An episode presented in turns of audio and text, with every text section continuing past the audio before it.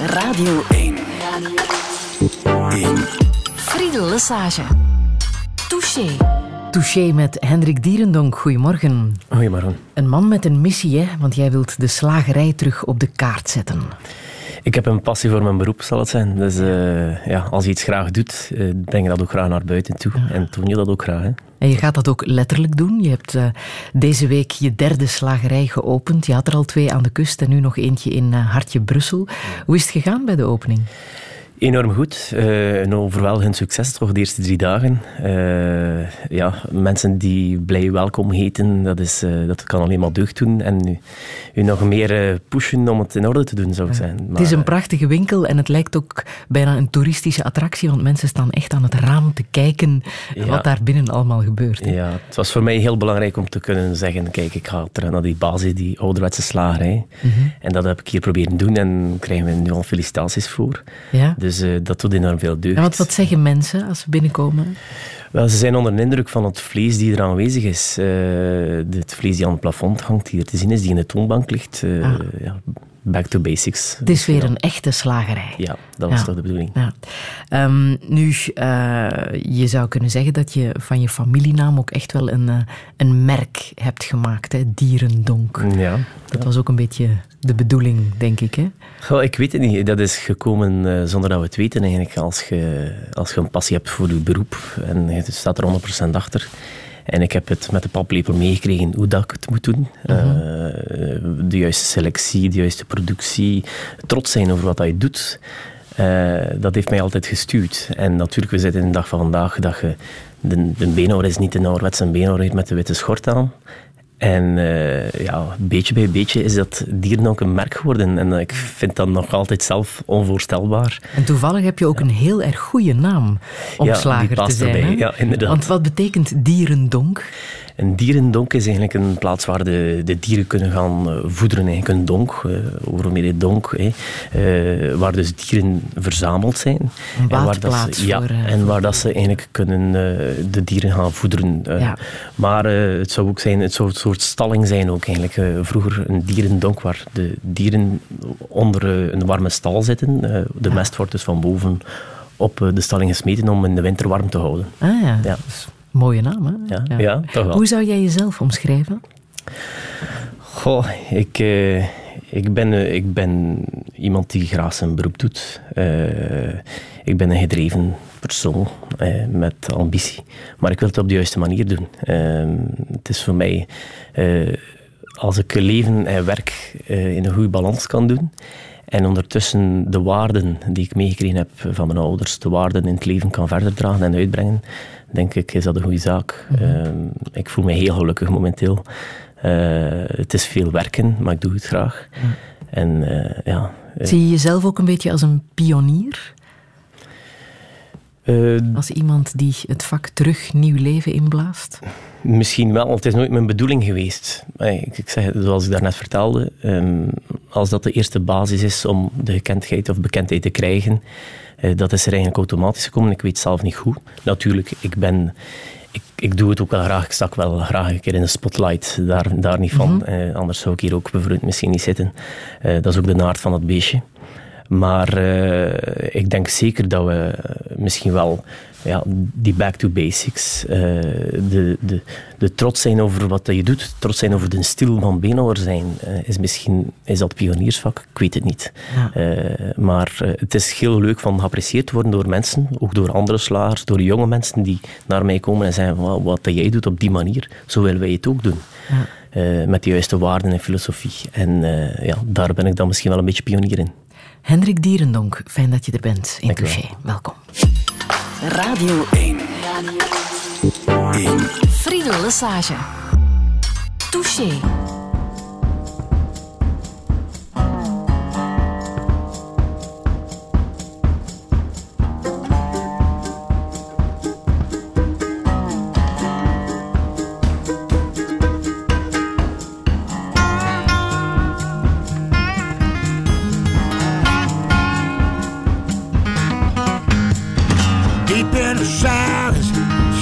steel dressing, cobweb monsters, dressing, gray and middle.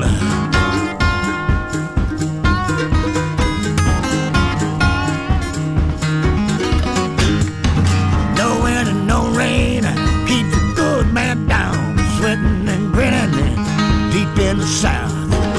You ain't from here When the shit hits a fan. More meat on the from a butcher in town. Yeah.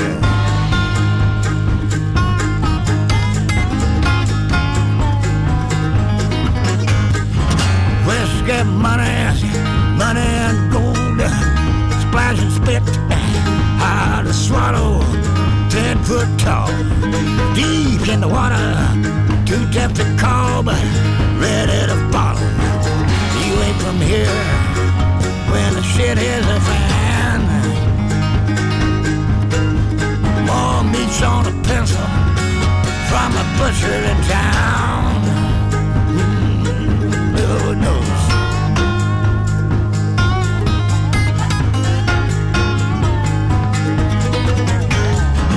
Hundred dollar bill, just back pocket preachers. Sounds good as wise, drinking good whiskey. Light and heavy, like a dog day blue jay. Like a snake of lungs, Lord, is sliding down singing.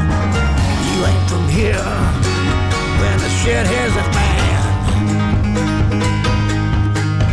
More meats on a pencil from the butcher in town.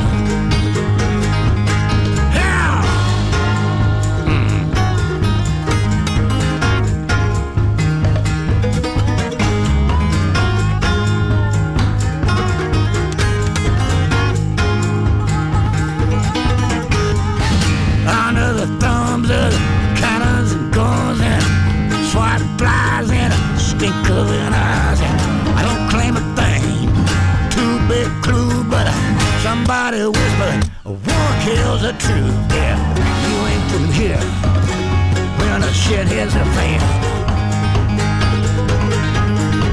More meats on a pencil from the butcher in town.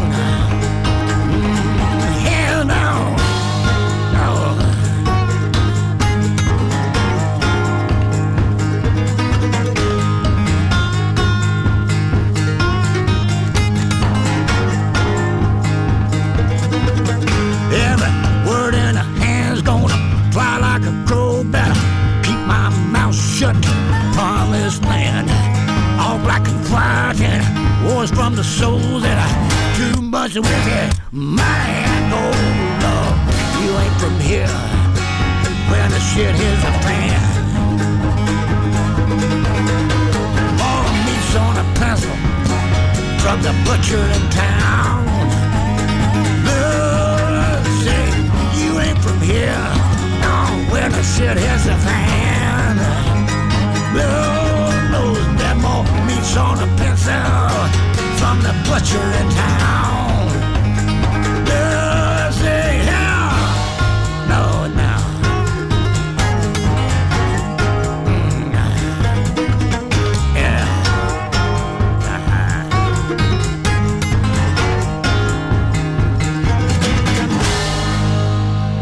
Malcolm Holcomb en eh, Butcher in Town. De Butcher is in dit geval Hendrik Dierendonk en de Town is tegenwoordig Brussel.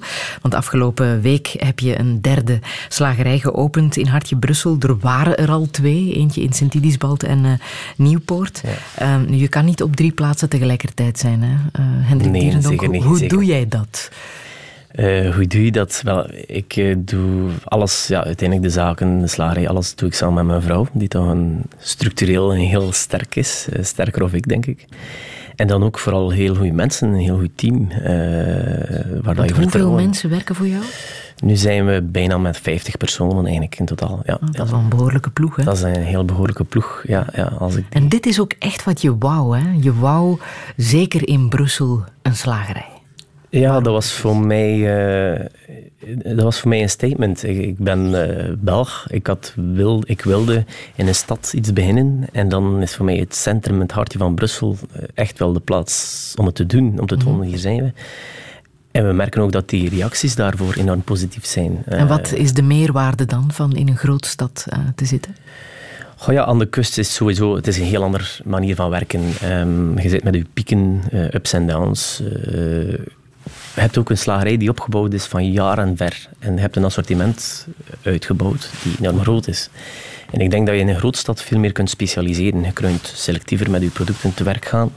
Uh, wat het misschien een stukje voor mij vergemakkelijkt om dat naar een hoger kwaliteit te brengen. Um, maar uh, het, is, ja, het publiek die komt, uh, is, is heel anders met eten bezig ook. Uh, je ziet die jonge mensen die in een stad wonen, ze eten sowieso al minder vlees. en als ze dan vlees eten, dan komen ze naar mij. nu we zijn drie dagen open en hoeveel jonge mensen dat er niet over de vloer komen. Ja? Ah. En dat je dan ziet, kijk, die hebben een, daarvoor geen enorm groot budget, maar die spenderen het wel bij mij. Ja. En ik denk dat daar in die stad toch een heel ander soort publiek zal zijn. Ja. En is het ook jouw bedoeling om een soort keten van dierendonkslagerijen te maken? Goh, ik, ik, ik zal niet zijn. Ik heb zeker ambitie. Um, maar het moet altijd op de juiste manier zijn. Uh, mensen hebben mij ooit gezegd van ah, waarom heb je niet al vijf of zes slagerijen? Ik, ik, ik, heb ik heb vijf jaar terug mijn tweede slagerij opengedaan in Nieuwpoort. En dat is een enorme leerschool. En uh, je krijgt af en toe dikke klappen tegen je kop ook, als je die kwaliteit wil onderhouden. Ik heb eerst Op welke vooral... manier dan? Wat, wat is er dan in um, Newport gebeurd? ja, oké, okay, als je, je bent jong, je hebt ambitie, je wilt iets doen. Ten eerste, ik moet de juiste leveranciers hebben om mij het goede vlees te kunnen blijven naleveren. Uh, zonder hen kan ik niks doen. Dus ik moet daar geduld voor hebben. En anderzijds, ja, een aanlevering, een productie. Uh, ik wil het ambachtelijk blijven maken. En dat, dat kost tijd en energie.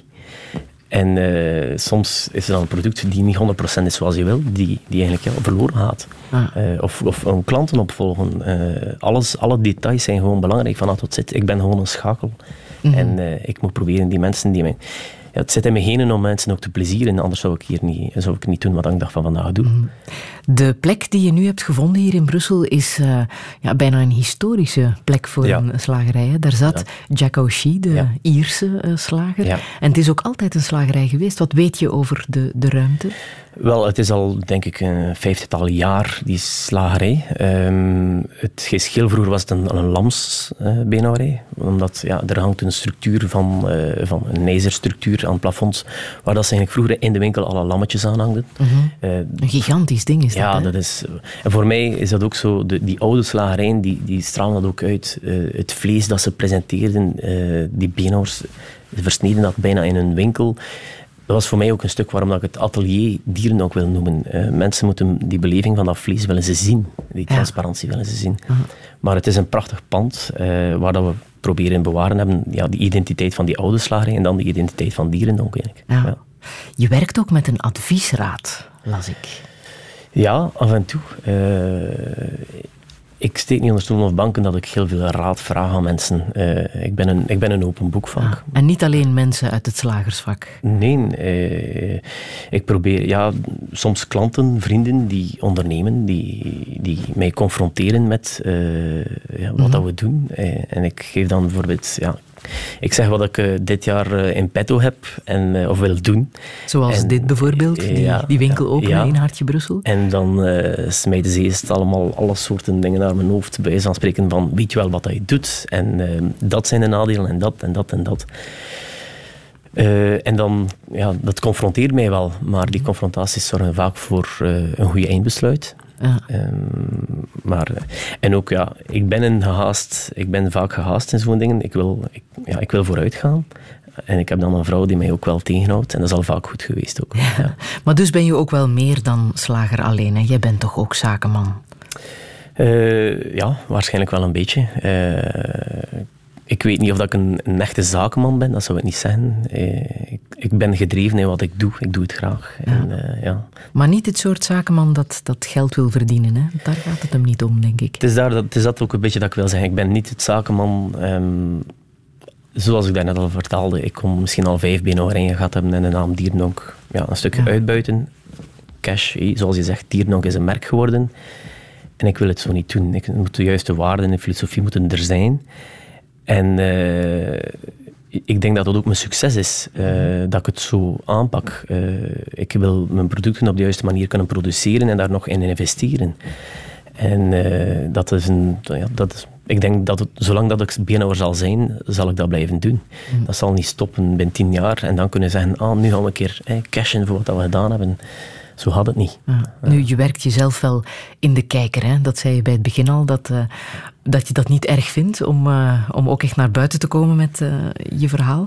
Maar dat schept ook wel verwachtingen natuurlijk. Hè? Zeker. Voel je dat? Uh, zeker. Uh, de, de verwachtingen zijn heel hoog en daar wil je aan voldoen. Um, het, het, ja, het zorgt voor een bepaalde stress. Hè. Ik heb de lat voor mezelf ook hoog gelegd. Hè. En ja. zoals, ik, zoals je zegt, je komt in de kijker. Uh, ja, ik doe dat graag misschien. Um, maar het verwachtingspatroon van de mensen is enorm hoog. Maar ik, ik wil ook alleen voor het beste gaan. Ja. En dan gebeurt het dat in een artikel van De Standaard, bijvoorbeeld, een interview met jou, woorden in de mond werden gelegd als uh, ja, dat de impact op het klimaat van uh, biovlees groter is dan dat van gewone landbouw. Moeten we daar iets corrigeren? Zeker weten, zeker weten. Ik had dat, uh, ik, voor mij was het dus ook duidelijk dat uh, biolandbouw beter is voor het milieu, omdat je, je gaat duurzamer te werk met alles. Die massaconsumptie, is, die massaproductie is er niet. Uh, eerst in dat, dat al. En uh, ja, dan las ik ook twee dagen daarna een opinie alsof ik het uh, gezegd had dat het negatief is. Uh, dat doet natuurlijk pijn. dan pro probeer je dat ook recht te zetten, maar ja, je zit in die storm. Maar wat ik, was er daar precies gebeurd? Ik denk, uh, ja, er stond, er stond bij het artikel een stukje uh, die die journalist geschreven had of gezet had. Um, waarbij dat ze ja, aantonen van, kijk, uh, massaproductie vlees geeft zoveel op het klimaat en biolandbouw heeft zoveel klimaat. Kijk, biolandbouw gaat er eigenlijk over, of, of hoe wij onze ruimtelijk weken, wij doen geen bio, maar het komt een beetje op hetzelfde principe al neer. Je gaat je dieren ouder laten worden. Je gaat ze gaan gebruiken, voor mij, zowel voor het vlees als voor de melk. En ik denk als we met z'n allen minder vlees gaan eten, gaat die ecologische impact ook al veel beter zijn. Maar doordat we eigenlijk die minderwaardige dieren uh, net langer gaan houden, uh, hadden ja, uh, dat we de minderwaardige dieren langer gaan, houden eigenlijk, maar ze eerst voor de melk gebruiken dan voor het vlees, gaat die impact op die, die natuur volgens mij minder zijn. Je gaat ook je land bewerken om duurzamer te werk te gaan. Maar als je een massa-industrie hebt waar een dier twee jaar oud wordt, waar dat ze die gaan maken dat hij zoveel mogelijk water ophoudt, omdat hij voor meer kilo's wordt en meer water ophoudt, meer kilo's is meer rendement, ja, dat is massa-industrie voor mij. Mhm. En volgens, ja, dat, het klinkt ook al zo. Maar uh, zoals die bio-ingenieur dan vertelde, er zijn nog zoveel dingen ook in uh, biolandbouw dan hoe de gewassen met de gewassen omgaan, waar gaan we ze hanteren, hoe gaan we ze hanteren, die beter zijn voor het milieu. Ja. Dus is het nu rechtgezet? Ik denk het wel. Jij hebt daar niks verkeerd gezegd. Nee, nee, nee.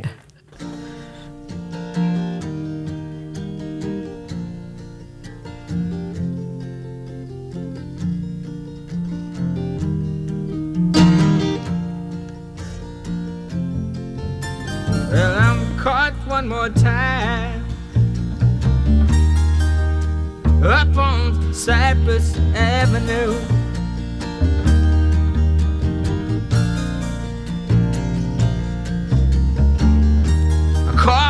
One more time up on Cypress Avenue.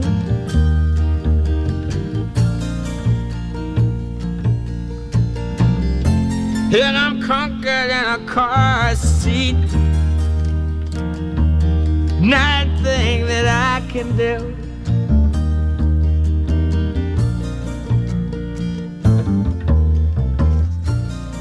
I may go crazy before that mansion on the hill.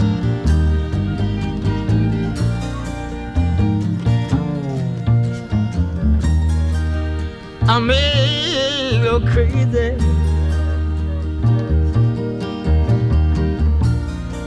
Before that mansion on the hill. But my heart keeps beating faster. Yeah, my feet keep still. And had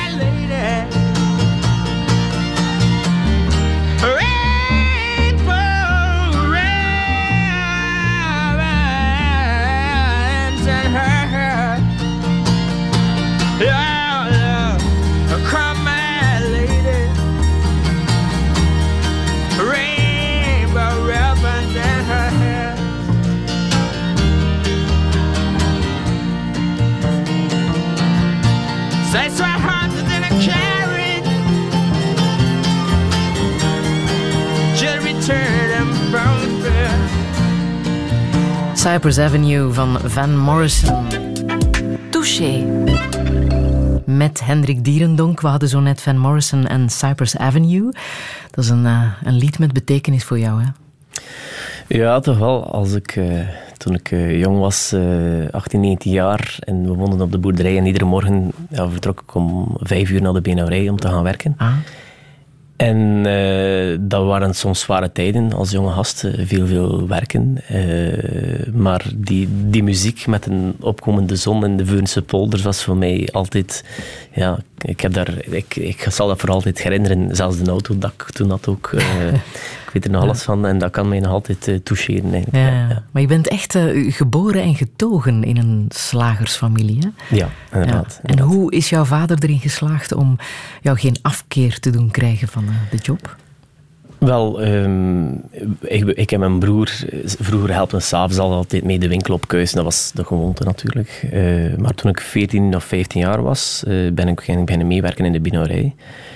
En ik werkte dan altijd in de voormiddag en de namiddag was ik dan vrij. Ik moest dan tegen een bepaald uur terug zijn. Ik denk vooral de, ja, eerst en vooral mijn ouders hadden een enorme passie voor het beroep, eh, wat dat ze deden. Ik denk dat sowieso dat gaf mij, dat is ook mij met de paplepel meegeven.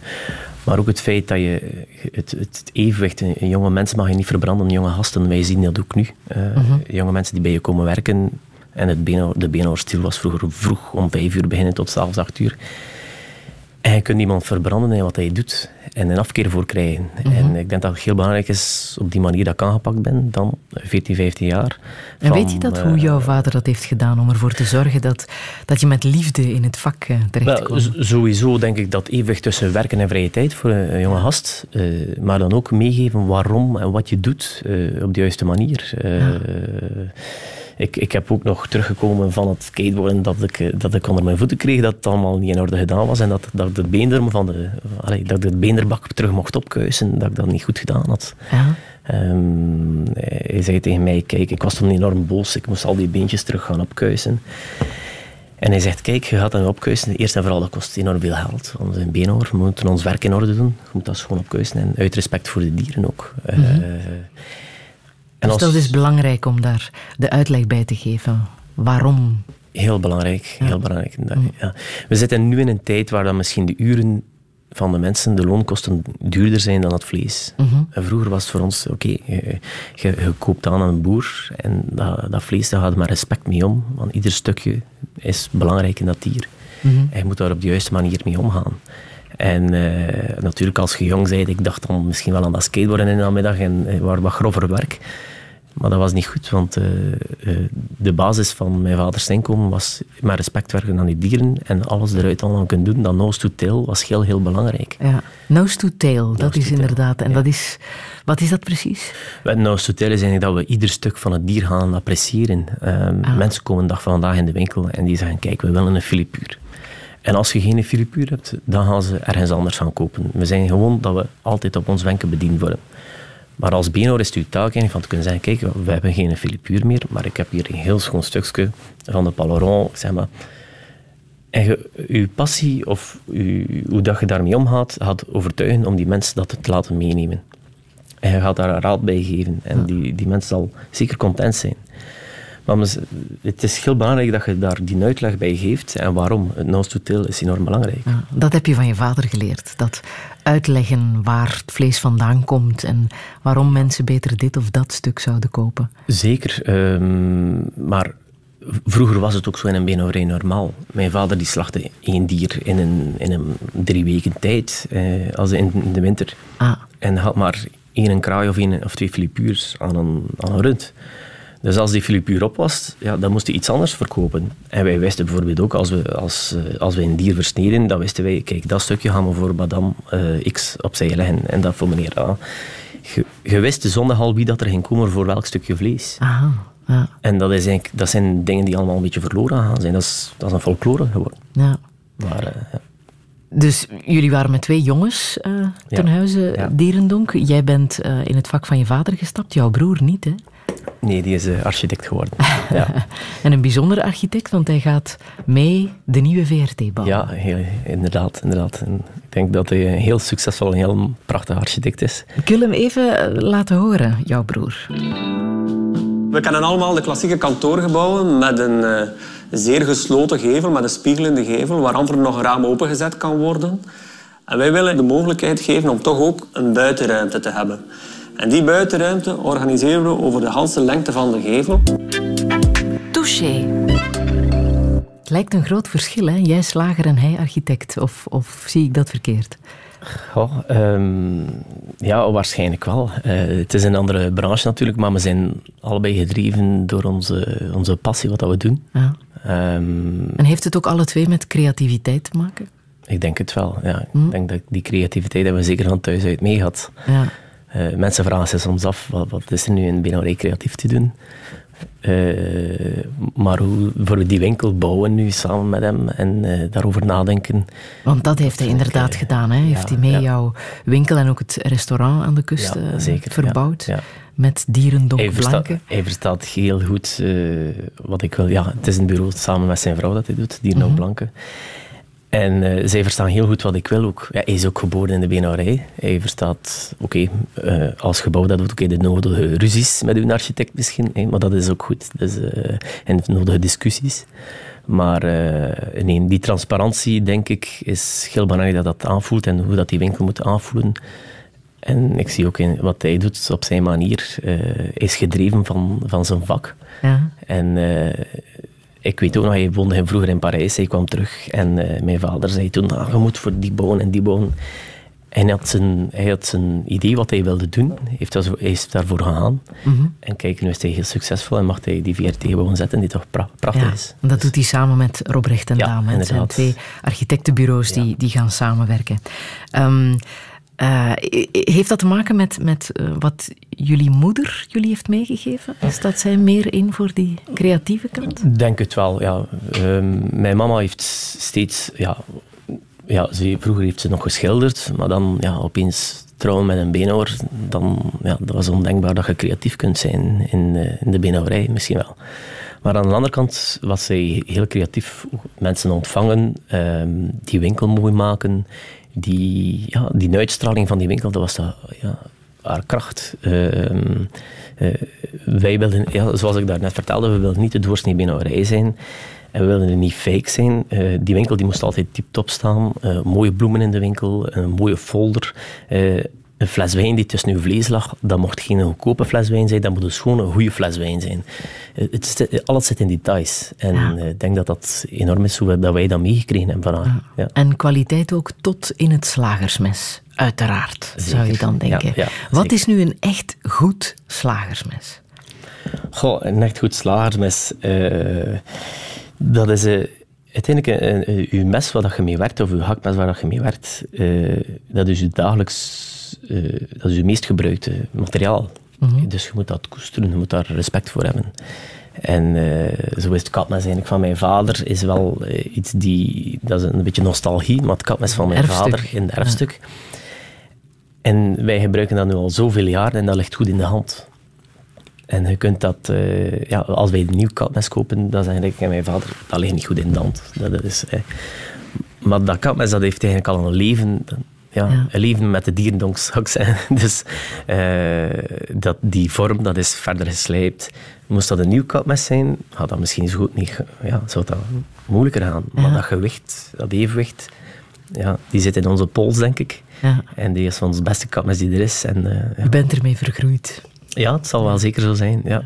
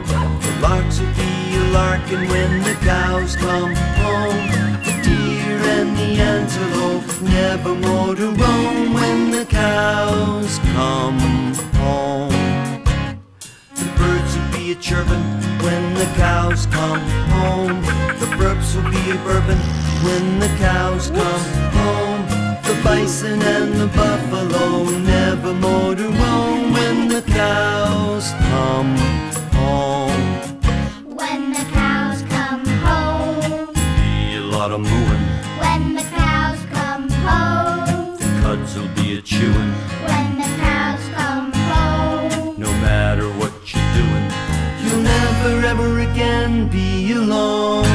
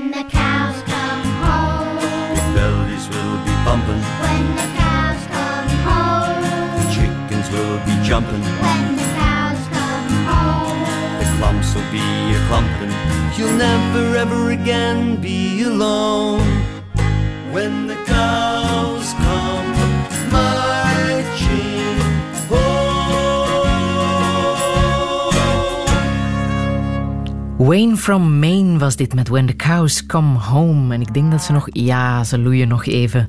Die goeie, die goeie koeien. Hendrik Dierendonk, ja, ik laat het horen omdat jij er echt voor gezorgd hebt dat het West-Vlaams rood rund nog bestaat. Je hebt het van uitsterven eh, bedreigde ras Oh, ik, gered. Ik, Mag ik ik denk ik niet alleen. Ik denk vooral de boeren ook. Eh, maar ik heb er zeker voor helpen zorgen dat het terug op de kaart staat. Dat, eh, Maar het was echt met uitsterven bedreigd een aantal jaar geleden. Inderdaad. Het pure rode ras was eigenlijk met uitsterven bereid, be- bedreigd. Er waren er maar een eh, driehonderdtal meer. Dat is een jaar of tien geleden. Ondertussen, denk ik, zitten we aan een veestapel die waarschijnlijk een 1500 of 1600 puur rode ras eh, Ja. dieren heeft. Maar we moeten eigenlijk, om, eh, om een goed te kunnen voortopbouwen, moeten we er eigenlijk 3000 hebben. En dat gaat heel langzaam. Ja. Dus, eh, ja. Het rode ras, of het rode rund, dat zijn de bruine koeien. Ja, Ja. inderdaad. Brui- bruin-rood eigenlijk. Hè. Dus, eh, Maar volledig bruin. volledig bruin. Ja, Ja. ja. Ja, En dat eh, is in concurrentie met het eh, wit-blauwe ras, heb ik Goh, begrepen? Ja, kijk, ik, ik spreek niet graag over concurrentie. Ehm, het is een ander soort type van dier. Eh, Maar dat zijn de gevlekte koeien die we kennen. Hè? ja, zeker. En eh, het belangrijkste is altijd van een dier is hoe dat je het kweekt. Of dat Maar wat is dan het verschil tussen die twee? Ja, wel eigenlijk het, eh, het rendement van een West-Vlaams rode koe is veel minder. Dat is, die is zo groot niet. Voor mij was het heel belangrijk dat ik... Ik verkocht vlees van overal, maar ik had eigenlijk niks van mijn eigen streek. En ik wilde echt wel West-Vlaams rood eh, verkopen. Dat is eigenlijk uiteindelijk het vlees dat mijn vader vroeger mee werkte. Eh, we hebben nog foto's eh, liggen waar dat hij tussen de rode koeien staat, eh, die hij aankocht. En, Maar ze renderen minder. ze Waarom renderen vind je ze dan toch interessant? Puur omdat het uit je eigen nee, streek komt? Nee, ook omdat het volgens mij smaaktechnisch een, een, een, een heel mooie structuur van vlees is, die mooi belegd is. Het is een dubbeldoenkoe, die zowel voor de melk als voor het vlees kan gebruikt worden. En dat is eigenlijk daar net, we hebben het ook al verteld, is het heel belangrijk in die duurzaamheid te gaan werken. Maar eh, als je die dieren dan opkweekt, of eh, ja, die gaan zes, zeven jaar oud zijn als, die, als we die gaan vetmesten om, om te slachten dan nadien die hebben een veel langer leven en dat karakter zit veel meer in dat vlees. Dus je hebt voor mij, volgens mij veel smaakvoller vlees, eh, mooi belegd met vet. Eh, die, die kwaliteiten, ja, dat is, brengt voor mij een beetje nostalgie op. Eh, Ja. Als ik eet eh, en eten of sommige dingen brengen herinneringen mee, dan heb ik verwachtingen ingelost. En ik probeer altijd terug te gaan naar de terroir. Het West-Vlaams Rode Rund is een terroir. En voor goed te zijn zou eigenlijk die West-Vlaams Rode Runderen moeten kunnen bakken in de boter met, met van, van die West-Vlaams Rode Runderen. Eh, er moet altijd een matching zijn bij wat dat we doen. Eh, ik denk dat dat heel belangrijk is. En dat West-Vlaams was voor mij ja, eh, enorm belangrijk om die terug op de kaart te kunnen zetten. Zo belangrijk dat je zelfs dus met een rond rund op een podium in Ja. een beurs bent gaan ja, staan. Ja, inderdaad. inderdaad. Eh, dat was eigenlijk, ja, dat is een zestal jaar geleden met de Flemish Primitives toen, in Oostende. En toen hadden ze dat gevraagd. En samen met een boer hebben we dan eigenlijk een... een ja, de boer heeft dan eigenlijk iedere dag een beetje muziek laten spelen aan dat rood rund en iedere dag een wandelingetje gaan maken, omdat dat dier toch wel op zijn gemak ging zijn. Om het te doen wennen aan, aan de geluiden op een beurs. Ja, het was, een, het was eigenlijk echt een, een, een voorstelling voor, voor koks. eh, Ah. eh, en daar wilden we eigenlijk tonen van, kijk, eh, dat West-Vlaams Rodrund is onze terroir. En dan ook die boeren die ervoor zorgen. Die er, ja, zonder die boeren zouden wij niet kunnen werken. Dus we moeten daar enorm veel respect voor hebben. En eh, dat, ja, dat is, ik denk dat dat ook wel de, de doorslag is geweest voor het succes van het West-Vlaams Rodrund. En Ja, voor het heeft ook. echt wel gerendeerd, hè? want in 2012 is het eh Roodrund erkend als eh, Ja. Vlaams, West-Vlaams streekproduct. En nu gaan jullie ook voor de Europese Inderdaad, erkenning. Inderdaad, dat Ja. zal magnifiek zijn natuurlijk. Wat zijn daar de voorwaarden voor? Wanneer wordt zo'n dier Europees erkend? Wel, eh, je moet eerst een, een, denk een drie- drietal jaar die erkenning hebben, die, of die aanvraag doen. Hè. Het moet een bepaald charter hebben. Dus die, doelen, die, die dieren moeten echt wel van, het, eh, van de streek van het West-Vlaams streek komen. Moeten daar opgevoederd zijn. Die moeten zoveel tijd buiten geraasd hebben, dat die niet op stallingen zitten, niet te vlug vet gemest worden. Dus het is een heel charterboek die moet eh, ja, afgelost worden. En... eh, daar zijn we volop mee bezig. En daardoor is het ook heel belangrijk dat we voorzichtig te werk gaan. Want als we die dieren ja, zes, zeven jaar oud willen laten worden en driemaal kalveren en willen die veestapel heel rustig laten groeien, dan kun je dat niet forceren. Met dat verhaal en met het Rode Rund heb je de topchefs kunnen overtuigen hè, Ja. om eh, samen met jou te Ja. beginnen werken. Ja, Mensen als eh, Peter Goossens, eh, Sergio, Ja. Kobe Desramon. Op dit termt, ja, zeker. Die voor mij enorm was. Kobe was eigenlijk een van mijn eerste klanten daarvoor. Ja, Kobe is ook altijd daarmee bezig geweest. En eh, het is dan vaak met chefs eh, ja, ook aftasten hoe die matching is. Want eh, er zijn ook chefs waar het niet mee klikt. Dan- Testen ze jou? Zeker weten, ja. Ja? Op welke manier? goh, kijk, ehm, je gaat, ze, ze gaan nu laten proeven, ze gaan kijken wat dat je kunt doen. Ik weet nog bij Sergio, de eerste keer dat ik naar Sergio ging, dat was voor mij een, een hele ervaring. En de eerste keer dat ik daartoe kwam, ik had enorm veel vlees meegenomen. En hij zegt, ja kijk, leg het hier maar een beetje open. En ik kwam na vijf minuten terug en heel zijn keuken lag vol. Ik had gewoon ja, alles mee dat, dat ik maar vond. En eh, dan zijn we uiteindelijk voor het, eh, een, een klein zenuwstuk gaan werken. Dat is eigenlijk een stukje die anders voor stoofvrij gebruikt wordt. En dan hebben we die eh, ja, drie, vier weken afgrijpt om dan in zo'n sterrenzaak te geven. Ah. En dan was het heel belangrijk voor mij dat dat op de juiste manier verteld ook wordt. Eh, het is heel belangrijk dat de, de chef in het restaurant gaat doorvertellen waarom de slager het zo wil gepresenteerd zien of zo gaat gebruiken. Mensen gaan naar een drie-sterren restaurant gaan eten en ze willen geen vet op een bord. Ja, maar ja, dat ga, niet, dat ga ik niet doen. En eh, daar terug moet je een chef hebben die ook verstaat dat je nou totaal wil werken. Want zoveel kilo's van dat ene stuk zijn er niet. Dus moet Ja. je misschien wel met nog een ander stuk erbij gaan werken. Dus zij moeten ook creatief zijn met wat jij hen Zeker. aanbiedt. Zeker, ja. Ja. ja, ja. En het is ook eh, dat verhaal van de terroir dat je van eh Kobe Desramo hebt, eh, hebt geleerd. Hè? Hoe belangrijk het is dat een dier ja, blij is in de wei, ik zal het zo zeggen. Ja, het is, het is voor ons... eh, het, is, ja, het is onmisbaar dat wij de dieren op de juiste manier moeten kweken en opvoeden. Gelijk waar ik koop, is dat onze uitdaging naar de toekomst toe. Weten waar ze vandaan komen. Heeft die boer er goed voor gezorgd? Hebben die dieren goed buiten gezeten? Zijn ze stressvrij grootgebracht? Ja, zie jij dat, voel jij dat als, als een dier gelukkig is geweest, eh, als het bij jou op de Je ziet sowieso aan de ligt? kwaliteit, het vlees die binnenkomt, eh, als een dier te vlug vet gemest is met bepaalde voeding, zal dat waterachtig zijn. Een dier die stress gehad heeft, zal ook eh, geen zo'n schoon vlees geven. Die zal, eh, En waaraan zie je dat dan? Dat Dus- vlees niet, niet goed genoeg is voor jou? de structuur van uw vlees is helemaal anders. Die is, die is slap. Eh, en eigenlijk als een, een dier water ophoudt, door de stress zal het pH zal het moeilijker, moeilijker te verwerken zijn. Is het voor ons ook moeilijk om het te laten afrijpen. Want eh, en als er veel water in zit, dan gaat uw vlees niet goed afrijpen. Eh, geruikt ook in een frigo, wat dat de dieren vaak gegeten hebben bijna. Dus eh, geruikt, als, als wij dieren binnenkrijgen van Schotland, dan is die geur helemaal anders of dat die dieren gekweekt zijn in West-Vlaanderen. Dat is een heel ander soort streek. En ik denk dat dat, dat is eigenlijk de basis van terroir, Ja. wat dat ze gegeten hebben. En dat rijpen van het vlees, dat, dat heb je ondertussen ook onder de knieën. Ja, eigenlijk, eigenlijk is dat ook iets die vroeger al lang bestond. Zoals ik zei, al vertelde mijn vader, die had dieren en de mensen kwamen op het einde van de maand voor oetslag. En de oetslag wilde eigenlijk zeggen, ja, oké, mijn vader had maar om de drie weken dat hij een dier slachtte.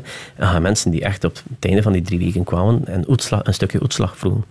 En dat is dan het restje. Of, Dat is oud geslacht, zou je kunnen zeggen. Ja. Oetslag is, is het dialect natuurlijk. Ja. En, maar dat zijn runderen die al wat afgrijpt zijn. Natuurlijk, we zijn in een tijd gekomen waar dat andere frigo's zijn. Eh, de houten wanden in de frigo zijn weg, of de, de cementtegels zijn weg. Het zijn allemaal plastieke ruimtes. En de dag van vandaag moet een dier zo vlug mogelijk versneden zijn, want anders gaan we vochtverlies hebben, gaan we gewichtsverlies hebben, gaan het minder renderen. En dat is net wat wij niet willen. Wij gaan met een ouder dier gaan, gaan werken, eerst en vooral. Zes, zeven jaar oud, die heeft melk gegeven. Die is eh, zeven, acht maanden vet gemest, heel rustig. En dan gaan we die gaan slachten en gaan afrijpen.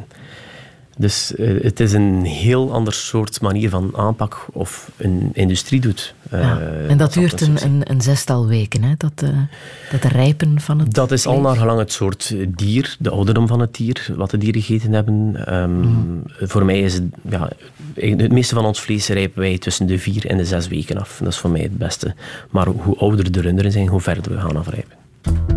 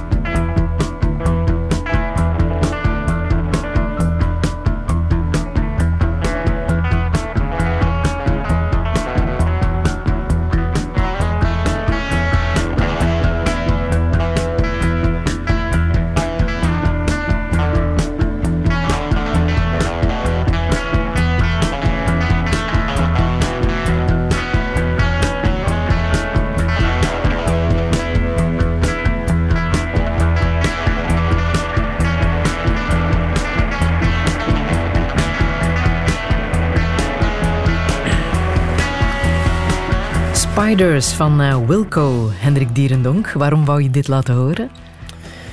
Goh, dat is mijn eh, favoriete liedje om op te sporten inderdaad. hè. Dus eh, als ik fiets of als ik ga snowboarden en ben alleen, dan kan ik daar enorm op. Ja, ik vind dat die tune, die, dat geeft aan om een stukje vlugger, om alles te geven. Het goede ritme. Ja, ja denk Ja. het. Dus ik kan hem maar er enorm in laten gaan dan. Ah, Ja. En dat sporten heb je nodig? Ja, zeker. Ja, ja. Ik heb dat, eh, doe het nu een beetje te weinig, maar ik heb dat nodig om eh, mijn gedachten te verzetten, om helemaal tot rust te komen. Eh, Ik kan dan wel een keer heel diep gaan daarin. Eh, dat, dat geeft mij rust. Dat, ja, Ja. ja. Ja, die, Is dat nodig? Ben jij een onrustige mens? ja, ik ben constant onrustig. Ik denk dat dat eh, misschien een van de nadelen is van mij. Dus, eh, ook, een nadeel zal ik niet zeggen. Dat heeft mij ook gebracht waar ik nu sta, die onrust. Ehm, maar dat zit in mijn gebakken. Ik kan moeilijk thuis zitten, niks doen. Eh, ik moet altijd iets doen. Ja. En dat sporten, dat diepgaan. eh ja, ik ga soms gaan fietsen met vrienden naar de bergen. Ik ben meestal minstens al getraind. Ehm, ik kom altijd als laatste boven. Maar die strijd tegenover jezelf, naar boven fietsen, eh, die natuur, alles daar rond, dat kan mij enorm ja, doen genieten. Ja. Eh, ja. En wat gebeurt er dan als je als laatste probeert boven te geraken? Oh, dat, dat, eh, wel, het is nog geweest dat ik als laatste boven kwam, dat ik mijn fiets daar gesmeten heb ook. Waar? vrienden zullen dat Ja? wel Kwaad op jezelf? Eh, Ja, eh, te diep gaan, maar vooral, ik kan, ik, ik kan dan een stukje emotioneel worden. Als ik dan alleen fiets, ik kan daar ja, de tranen in mijn ogen krijgen als ik naar boven rijd. Van te zeggen, ik mag eigenlijk gelukkig zijn dat ik hier ben. Aha, Ja, daar kan ik enorm van genieten. ja. Dus- Je bent ook een, een zeemens, hè? want je bent opgegroeid aan de kust. Waaraan kunnen we het, eh, de zeemens in jou herkennen? Eh, wel, eh, ik denk als je van de zee bent en eh, je werkt met het toerisme, zoals de meeste mensen aan de zee eigenlijk, je ziet graag de, de mensen komen, hè, maar je ziet ze ook terug graag gaan, die toeristen. En in de winter is de zee dan een beetje van ons en dan, je- dan kun je op het strand gaan lopen en dan zie je geen kat. En die rust, dat is... Die, die rust kan zo bevredigend dan zijn. Eh, gaan lopen, op het donker op het strand. ehm, ja, ik vind dat enorm zalig. Heb je de storm meegemaakt van vorige week? Ja, het was maar een kleine storm. Ik denk dat we al meer, eh, wel een zwaardere stormen of dat gehad. Eh, het was een storm in een glas water volgens mij. ja. Nu maar eh, waar je bent opgegroeid, dat is vlakbij de plek waar ook het Paul Delvaux museum is. Inderdaad. Prachtige museum. Heb je de kunstenaar ooit gekend? Ik heb hem zelf nooit gekend. Nee, nee. Vroeger dus in de slagerij wel. Dus de grootvader van mijn vrouw eigenlijk had vroeger de slagerij. En eh, hij wilde toen komen betalen met een, schil, met een kunstwerk. Echt? Ja, ja, ja. En er zijn veel mensen in Sint-Idesbald die dat toen ook gedaan hebben. Er zijn er ook veel gezegd, hij heeft dat niet gedaan. En dan natuurlijk eh, zou dan kunnen zeggen, ja, dat is spijtig. Maar, maar ik, vind dat ook, ik merk dat nu ook. Eh, ik merk kunstenaars waar ik mee in contact kom, die ruildeals willen sluiten. En ik sta daar wel voor open, ik vind dat wel leuk. En eh, ja, ik heb zo'n paar vriendinnen die dan een kunstwerk maken. Denis Meijer bijvoorbeeld, hier eh, op eh, de Solvay-gebouwen, eh, de graffiti-kunstenaar. Ja. En hij doet dan iets voor mij en dan geef ik hem een eetje, etentje of een, wat een stukje vlees om op te eten thuis. Ah, ja, ja. En die ruilhandel vind ik eigenlijk wel tof. En, moest, ik kan ook wel geloven dat het vroeger moeilijker was om zoiets te doen. Ja, ja. Heb je tijd voor film, televisie? Ehm, ja, film, televisie, film weinig nog. Ehm, dus, eh, televisie ja, ook relatief weinig. Vooral muziek. eh, ik heb muziek nodig in, in alles wat ik doe. En eh, dan, die als er voor een winkel open gaat en als die winkel klaar staat, dan ook vol een bak de muziek laten knallen. Dat kan Ja. eh, ja. Ja. En optredens, ja, ik doe het nog weinig, maar eh, ik kan er enorm van genieten. Ja. Heb jij Van Vlees en Bloed gezien? Die prachtige serie Ja, van een aantal jaren geleden, eh, gemaakt door eh, Tom van Dijk en Michiel de Vlieger. En met de bospoeper. Lucas van den Einde. Ja, ja, ja een prachtige Je lacht. serie, Ja. ja. Ja, Want binnen het slagersmilieu was dat niet altijd... Goh, er waren, eh, eh, eh, ik weet nog dat ik toen in een organisatie zat waar dan mensen eh, een beetje vonden dat dat een negatieve reclame was voor het beroep. Goh, ik vind, maar niet zin. Ik vond de beelden die toen die vooraf gingen, dus die intro, de beelden. Bij de ik vond- generiek, hè? Ja, die generiek, ik vond dat prachtig. kwamen stukken vlees in je gezicht gegooid. Ja, ja. En dat is ook eh, misschien het feit dat ik dat graag zie, is ik wil vlees ook tonen. Mensen die willen vlees eten, die willen het zien. En zij vonden dat toen, ja, maar dat is een negatieve reclame. Mensen willen geen... Nee, mensen... Toen ik mijn winkel verbouwde ook, was die transparantie er, die grote stukken vlees. En toen raadde mij iedereen dat af, half jaar terug. Vlees mag je niet tonen, mensen willen dat niet zien. En dat was mijn mooiste reclame. En eh, die transparantie, ik zeg het, wij moeten niks wegsteken. Wij Behalve dan het recept van het gekapt. Hè? Het gehakt. Ja, ja, ja, het gekapt. Ja. Dat is blijkbaar eh, hoe je kan weten of je met een goede slager te maken hebt of eh, niet. En daar dat- ging het trouwens ook over Ja. bij Van Vlees en Bloed. hè? ja, ja, De ja. worsten, werden die nu gemaakt van hertenvlees of ja, niet? Ja, Wat denk jij? met hertenbloed. Wat denk jij? Kan dat? ik denk het wel, ik denk het wel. Ja, dat kan. Ja. Je kan zeker bloedworst maken met hertenvlees, dat zal zeker kunnen. En jij, doe jij dat? Ja. Niet met hertenvlees, nee, nee. Mogen wij het recept weten?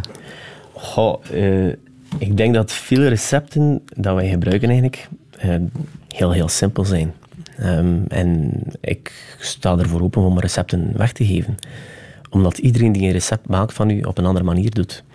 Ehm, het zit hem in details. Ten eerste het vlees die ik aankoop. eh voor onze pastei, een grote pastei van mijn vader, die heeft vijf ingrediënten. En dat is zo simpel als dat groot is, maar moeilijk na te maken. Ik ga nog heel even de muziek van, eh, van Vlees en Bloed Ja. laten horen.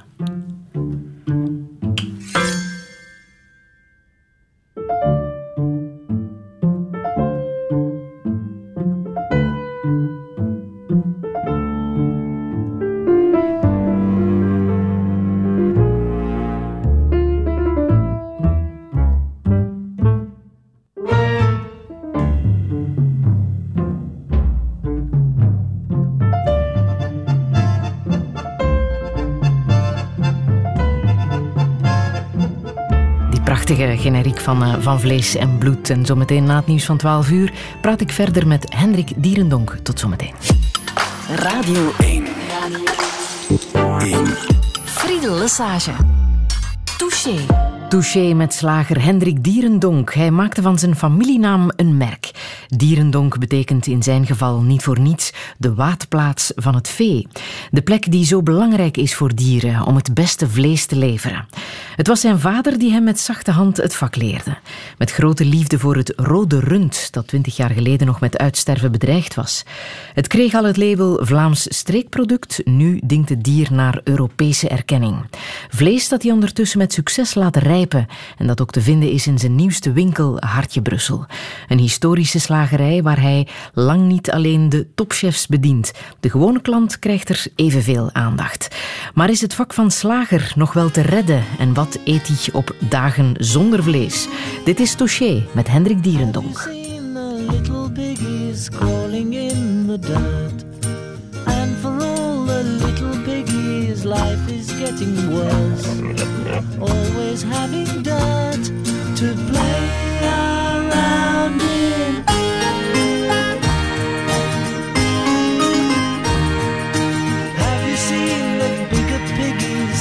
The starched white sheds?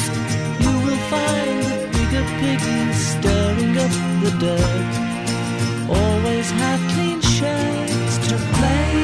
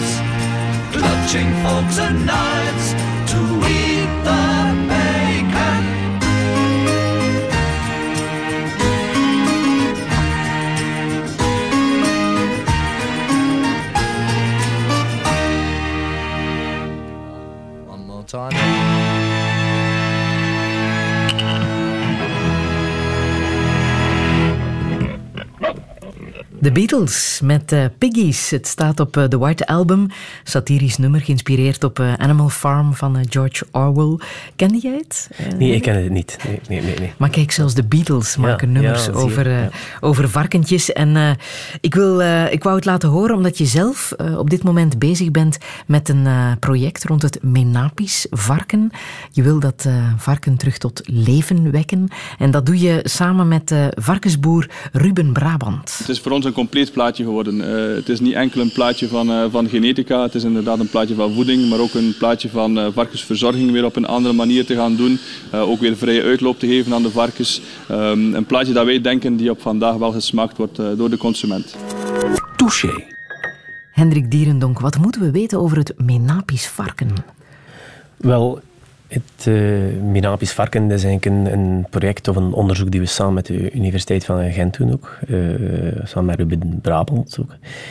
En uh, waar dat we eigenlijk op zoek gaan naar een varken die leefde aan, aan de kust. Die, die dieren leefden in de, in de tijd van de Menapiërs uh, tussen de kust en Gent en was een half wild varken. Uh, het, lappen, het liep in het rond als een wild varken, maar het, wel, het, kwam ook wel bij de mensen half tam om eten vragen. Of, ja. Een beetje zoals een, een, hond, misschien een zwerfhond zou je kunnen mm -hmm. zeggen. Uh, en nu was het voor ons, ik was al een tijd op zoek naar een, een dier, een, een varken met vrije uitloop. Uh, en Ruben die was al samen bezig met de Universiteit van Gent voor dat, ja, ook op zoek naar een ander soort varken.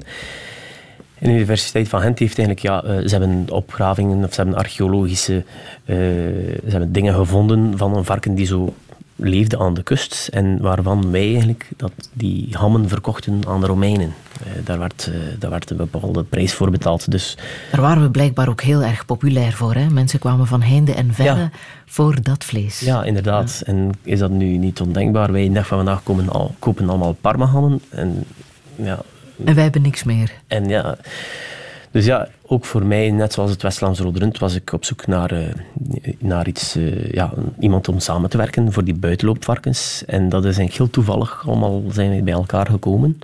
Uh, via, via, ah, jij hoort van die en nee, zo. Dus we hebben ze dan samen beginnen rond de tafel zitten. En, en is dat mogelijk? Want jullie werken daarvoor samen met de Universiteit Gent. Dat varken, dat bestaat niet meer. Dat nee, is uitgestorven. Hoe nee, kan je dat, dat terug tot leven wekken? Wat er vooral is, is we zijn gaan kijken naar de structuur en welk soort varken dat, dat was. En eigenlijk zijn wij met oude rassen uh, van dieren, uh, oude genetische var oude varkens, oer, oerrassen, laat ons zeggen, uh, zijn we een stukje gaan kruisen met een everzwijn, waardoor dat we die structuur van dat vlees van toen kregen, of naar die, ja, ja naar die opgraving. Ja. ja. En dan is natuurlijk de onderzoek naar uh, welk soort voeding, uh, welke kruiden, wat aten die dieren. maar het is allemaal zo, nog een stuk in, in, in ferme onderzoek. Het Menapisch varken is een onderzoek ja, die, die geleid moet worden. En denk, wij hopen binnen een jaar of, ja, een jaar of twee jaar daar echt te kunnen van proeven of werken. Ja. Uh, maar het zou heel mooi zijn om een varken te kunnen hebben die vrije uitloop heeft. En dat was voor mij eigenlijk de basis ook. Ja, en wat voor vlees verwacht je dan? Uh... Uh, wat voor vlees? Ik denk dat we, als we zien welk soort uh, dieren, de kruisingen die we hebben, gaan, waarschijnlijk een everzijn heeft een fijnere structuur van, van vlees. Eh, maar eh, het, vet zal, eh, het dier zal meer gemarbreerd zijn, zal meer belegd zijn met, met spek. Eh, wat dan heel interessant is om dan onze hammen te maken. Eh, dus het, het is vaak zo als een eh, vlees die op een ouderwets manier gekweekt is, eh, zonder te forceren, is beter om charcuterie mee te maken. Mhm. En dat is eigenlijk voor mij ook al een basis waarom dat ik daar zo naar uitzie. Ja. Ehm, dan hadden, we, we zijn aan het investeren in de toekomst waar we geen additieven meer aan ons vlees, aan, aan, aan de charcuterie moeten toevoegen. Want Zo- daar ben je echt wel een, eh, een pleitbezorger van. Hè? Eh, dat ethisch kweken, dat is echt Ja. de toekomst, hè, Ik als het aan jou zeker, ligt. Zeker en vast. Ja, Ja. ja, ik denk dat we daar eh, enorm moeten mee bezig zijn. Dat zal de enige manier zijn om, om het beroep van slager te kunnen laten overleven. Ja. Mensen eten minder vlees, die gaan ze zeker doen. En wij moeten daar op de juiste manier aanpakken, zowel de boeren als de beenhouwers. We moeten ook met die gedachtegang werken. Maar jij weet dat. Iemand die in een groot warenhuis nog snel even wat vlees eh, inkoopt, weet dat misschien niet. Eh, Zijn misschien... we, zijn we voldoende geïnformeerd? Ik denk dat de mensen toch heel bewust bezig zijn met, met eten. Eh, als je ziet wat dat er allemaal gaande is. En het is zo dat, ja, dat er minder vlees verkocht wordt, ook in grootwarenhuizen. Die, die- Mhm. Dat is sterk gedaald, dat is zo. Eh, dus het is duidelijk dat er iets aan de hand is. Ja. Dat we iets moeten doen. Maar voor het goede vlees betaal je vaak driedubbel zoveel. Hè? Ja, maar ik denk dat dat, dat is de verkeerde insteek. Wij hebben uiteindelijk... Vlees, wordt vlees in de supermarkt volgens mij is te goedkoop. Ah. Hè? Of supermarkt of eh, retail, ik zal niet zeggen. Goed vlees heeft zijn prijs. Eh, maar de boer is de dag van vandaag een slaaf geworden van de retail. Mhm. En die moet zijn vlees goedkoper en goedkoper gaan aanleveren. Dus, dus wat wordt er gedaan? Er, er, moet, er moet vlug gewerkt worden en er moet rendement zijn.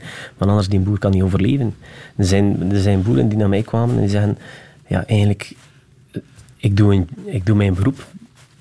Ik heb geïnvesteerd in, in, in, in varkensstallen. Ik moet dat nog tien jaar doen om die te kunnen afbetalen. Maar ik geloof niet in hetgeen dat ik doe. Ik ben een slaaf van die industrie. Is dat niet, Mhm. is dat niet rampzalig? Is dat niet spijtig? Ja. Dus die boeren moeten ook wel hun respect kunnen krijgen. Dat is ook wat eh, Wim Liebaert hier eh, vertelde. Die was anderhalf jaar geleden eh, te gast in eh Touché.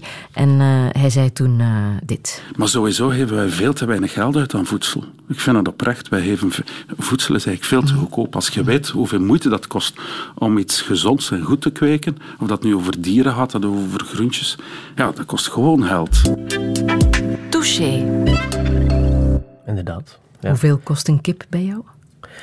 Een kip die kost eh, 15 euro de kilogram. Aha.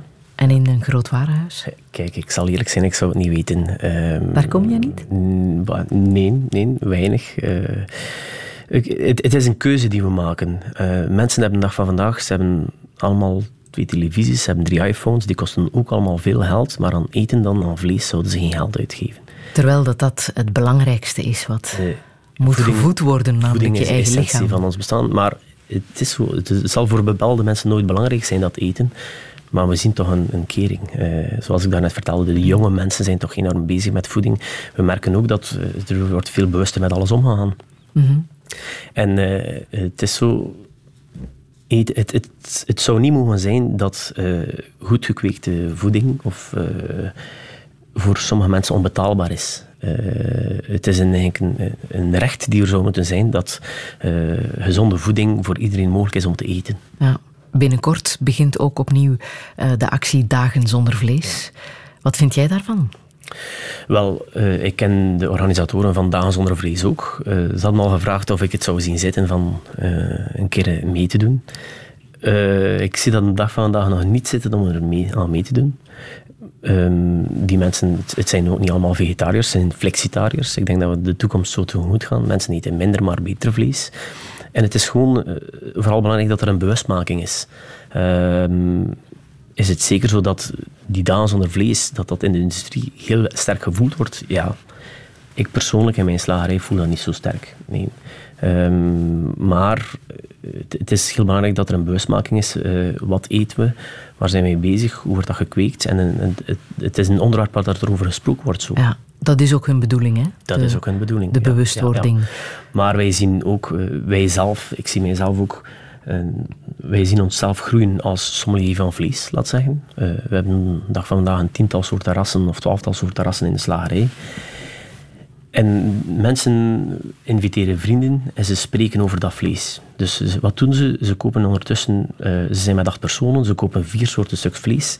En ze gaan eigenlijk een proeverij gaan houden van vlees. Een degustatie, zoals ze vroeger wijn proefden, proeven ze nu vlees. Mhm. En er was laatst iemand die zei tegen mij, je moet dat eigenlijk echt wel meegeven, want dat, dat is het onderwerp van die avond geweest, dat vlees. En we hebben er allemaal enorm van genoten, terwijl we anders minder vlees eten.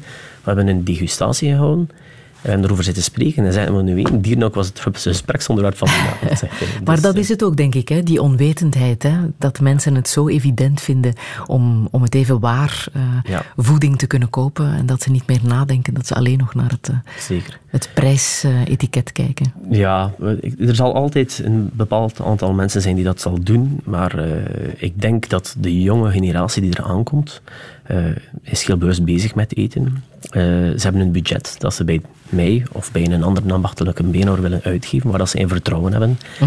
En dat vertrouwen is heel, heel belangrijk. En eh, voor mij is het dan eh, mijn taak, als mensen hun vertrouwen geven in mij, dat ik op zoek ga naar het beste vlees. Heb jij manier. vegetariërs onder je vrienden? Ehm, ik denk dat er wel eh, zijn, en toch mensen die heel weinig vlees eten. Eh, En begrijp je dat, dat mensen vegetariër zijn omdat ze geen dieren voor consumptie willen doden? Ik kan dat gaan begrijpen, ja. Ik kan dat gaan begrijpen. Ehm, maar als je niet weet waar het vandaan komt, ik zelf ook ga weinig vlees eten als ik niet weet waar het vandaan komt. Aha. Dus eh, omdat het ook een industrie is waar dat er zoveel gebeurt, waar ik mij toch een beetje tegen verzet, of probeer verzetten. En stelselmatig door allemaal, door, ik kan niet zeggen, je, moet niet helemaal tegen de industrie werken, dat, dat, dat werkt contraproductief. Ja. Ik denk dat we heel gezamenlijk moeten werken aan, aan dieren die beter gekweekt zijn, samen. En ik kan in mijn slagerij bijvoorbeeld niet direct alleen maar kippen verkopen die allemaal puur op, eh, op de hoeve gekweekt zijn en die bijvoorbeeld 15 euro de kilo kosten. Dat is stelselmatig met de jaren gegroeid en beetje bij beetje leer je klanten op en spreekt je daarover en ziet je dat je opvolging krijgt. Wat denk je bij al die mensen die tegenwoordig eh, gluten- en eh, lactose-intolerant zijn? Goh, ik, ik vind dat... eh, dat is iets die, die we vroeger toch niet kenden. Ik zie nu... iedereen heeft wel een allergie voor iets. Hoe is dat gekomen? Ik weet het niet. Misschien, misschien hebben we door veel antibiotica in onze voeding, in het vlees, ook mensen teerder, eh, die zijn teer geworden aan ziektes. Waar dat al die allergieën vandaan komen, ik zou het niet weten. Eh, maar we zien dat we er wel mee moeten rekening houden in dag van vandaag. Eh, iedere chef zal het beamen dat het niet evident meer is in een restaurant. Ja, tegenwoordig kan je bij het reserveren in een restaurant laten weten welke intolerantie je hebt.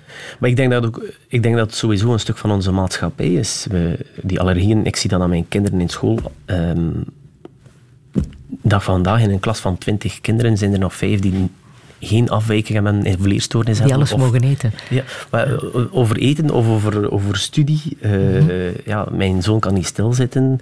Eh, mijn dochter heeft ook iets. Ah, Een leraar, een dag vandaag voor de klas staat, die zegt ja, er zijn nog vijf kinderen die het, het gewone leerprogramma kunnen volgen. En die vijftien anderen, die hebben allemaal wel iets waar dat we rekening moeten mee houden van de leerproblemen. Dan denk ik dat ons schoolsysteem toch niet goed in elkaar zit.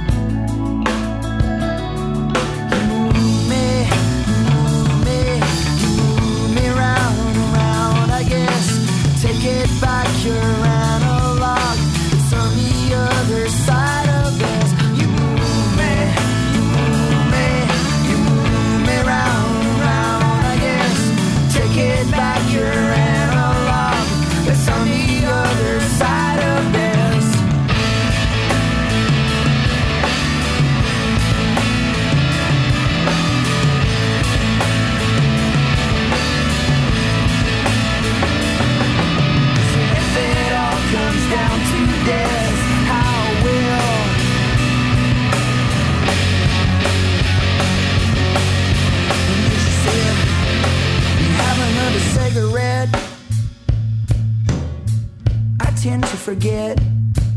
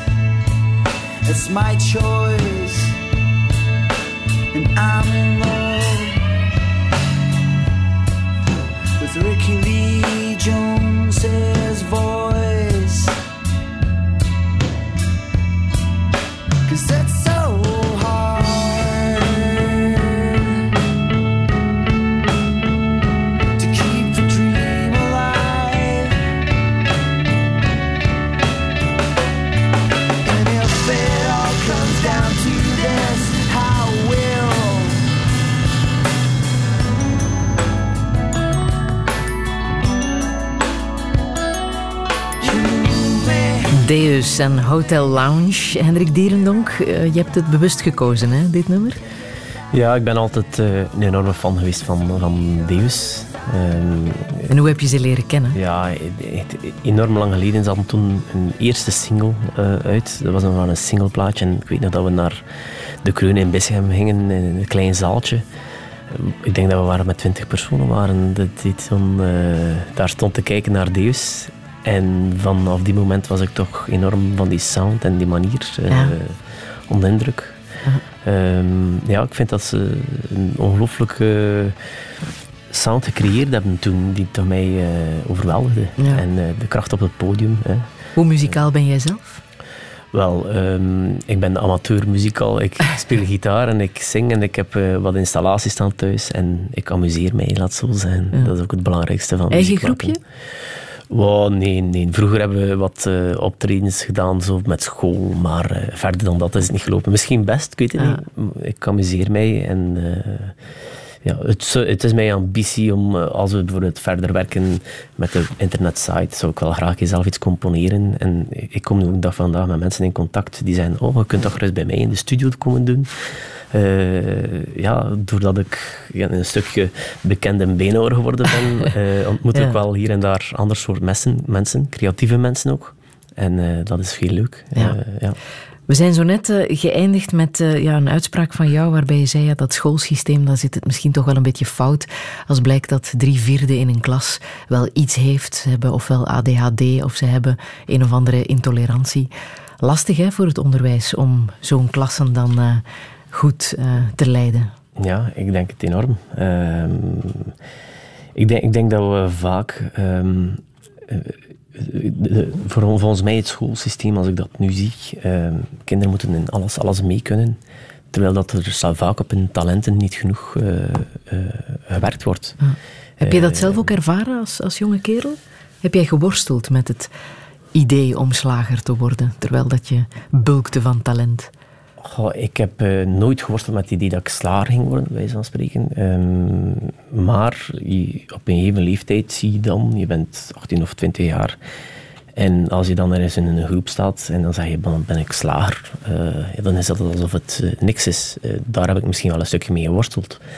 Ehm, ik was ook geen student, dat zeker niet. Net zoals ik zeg, ik was altijd de laatste van de klas. En op een gegeven moment krijg je misschien ook wel het idee, een negatief zelfbeeld. En daar is dat ik bedoel, het is belangrijk van op talenten van kinderen te kunnen werken. Gewoon, kinderen moeten zich goed voelen, dat is het belangrijkste. En ik zie dat met mijn kinderen, ze hebben ook geworsteld met dingen. En ja, ze, als ze zich goed voelen, beter dat. Ja. En waar hebben, ze zich, waar hebben ze dan mee geworsteld?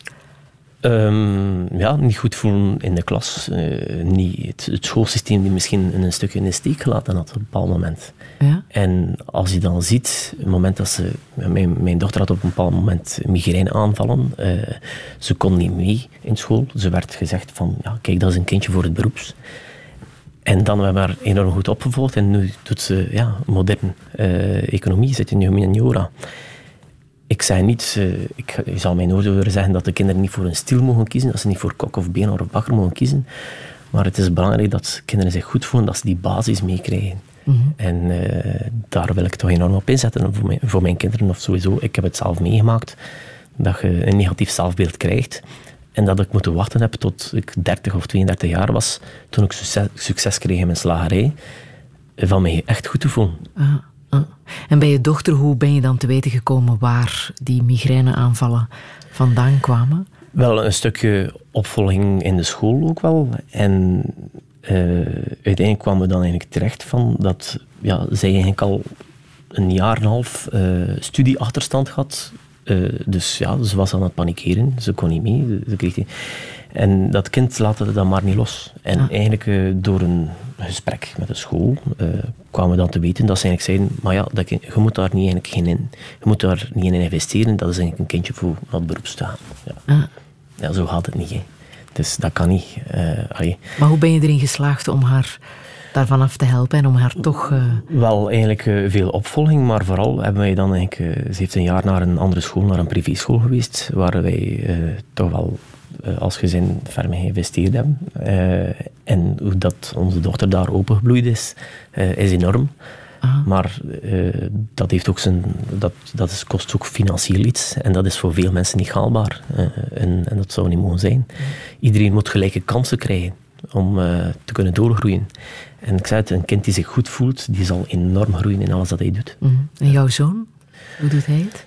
Eh, die is ook veranderd van school en eh, ook hetzelfde. eh, die was op een bepaald moment een stukje depressief. Ja. Ehm, Als kleine jongen, ja. Een beetje hetzelfde idee. Zich niet helemaal op zijn plaats voelen. Ehm, ja. Ik denk dat het... ja, een kind die zich goed voelt, die, die groeit. Ik heb dat verteld. En eh, ik kreeg een enorm negatief zelfbeeld. Ja. En dat, dat mag niet zijn. Nee. Daar ben je ook ehm, zelf enorm mee bezig. Hè? Je zou heel erg graag een eigen opleidingscentrum eh, maken voor jonge slagers, omdat het heel erg belangrijk is dat ze voelen dat ze gewaardeerd worden, dat ze kunnen groeien in hun, eh, in hun talenten. Hè? Daar wil je zelf ook, ook aan meewerken. Wel, ik denk dat we moeten investeren in jonge mensen. Ehm, ik doe mijn beroep graag en die passie die straal ik ook uit. Ehm, die wil ik overbrengen naar andere mensen. En ik zie nu jonge mensen die 20, 21 jaar zijn, die bij mij aankloppen en zeggen van kijk, eh, wij willen bij u komen werken. Eh, maar ja, als ik nu mensen van 21 jaar in dienst neem, zorgt dat vaak voor een enorme loonkost eh, ja, die ik moet opleiden. Er is dag vandaag wel een soort opleidings-IBO of dingen dat je kunt doen om ze drie maanden. Maar na drie maanden zijn er geen slager. En om echt een volwaardig diploma als slager te krijgen, ja, moeten ze eigenlijk drie jaar avondschool volgen. Dus ik denk dat er meer openheid moet zijn om mensen op bepaalde, die 20, 21 jaar zijn, die voor de stil willen kiezen, eh, die mogelijkheid te brengen om ja, eh, om bij ons zich in te werken. En eh, dat was mijn idee van, kijk, moest ik nu kunnen een opleidingscentrum maken. En dus we hebben nieuwe ateliers gebouwd. En de oude ateliers achter mijn slagerij zou ideaal zijn om jonge mensen te kunnen opleiden en hun te tonen waar we mee bezig zijn. Ja. Eh, maar dat is, iets die, dat is een werk van lange adem, denk ik. Eh, daar zijn de instanties misschien nu nog niet klaar voor om dat te doen. Maar ik zie bijvoorbeeld in Amerika kun je een opleiding al bij een BNO gaan volgen. Gedurende twee maanden. En dan je echt een soort getuigschrift een soort diploma van kijk, ik heb nu dat rund, kan ik versnijden, ik kan daarmee weg. Ja. Heb je de hervorming van het onderwijs een beetje gevolgd? Want je was natuurlijk heel erg druk bezig met jouw nieuwe winkel. Ja, inderdaad. Het Dat was, was het eh, nieuws eh, afgelopen week. En de discussie daar rond. Want Ik het gaat natuurlijk ook over mensen die eh, slager willen worden. En in de horeca terechtkomen. Ik heb niet zoveel gevolgd. Ik merk alleen dat ja, we moeten inzetten op de juiste plaatsen. En, en anders is het verloren energie van sommige dingen. Ja. Want op dit moment kan je enkel in een avondschool voor slager leren. Nee, je kunt Of ook, eh, er, zijn, er, zijn, er zijn slagerijscholen dat je tot je 18 of 19 jaar gaat en een specialisatiejaar kunt volgen. Daar leer je een enorme basis. En dat is ook goed. Maar aan anderzijds zie ik, het, eh, ja, we hebben, het is een knelpuntberoep, we hebben slagerstekort. En als je er niemand hebt om die 20, 21 jaar is en voor slager wil leren en ziet dat dat eigenlijk ja, een grote rompslomp wordt, ja, haken, haken er terug veel af. En ik zie ook van mensen die 21, 20, 22 jaar naar ons toekomen, een andere kijk hebben op het beroep. En dat is ook niet slecht, omdat ze, ze staan al een stuk verder in. Die, ze zijn al volwassen, ze zijn bewust met... Vaak krijg ik zo'n mensen over de vloer die heel bewust met dat eten en waar het vandaan komt mee bezig zijn en die dan ervoor kiezen om die slagerij te willen verder zetten op die manier. Ja. En een goede opleiding bij Dierendonk, dat is goud waard, volgens mij. Dat zou ons alles zijn.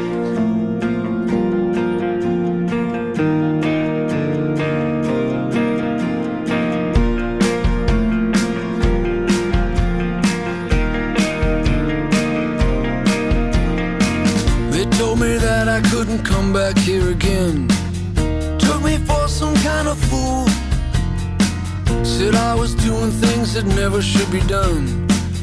But I don't care about their rules. As if I care about the little minds in the little heads of the herd. There's nothing you could change would be more absurd. And everybody knows these are rock hard times. I gotta make it through. These are rock hard times. I don't know what it is they're trying to do to me. Make me into some sick joke. But no one's laughing, and least of all, not me. It's hard to laugh as you choke. Hollywood lies piled up to the sky, floating your way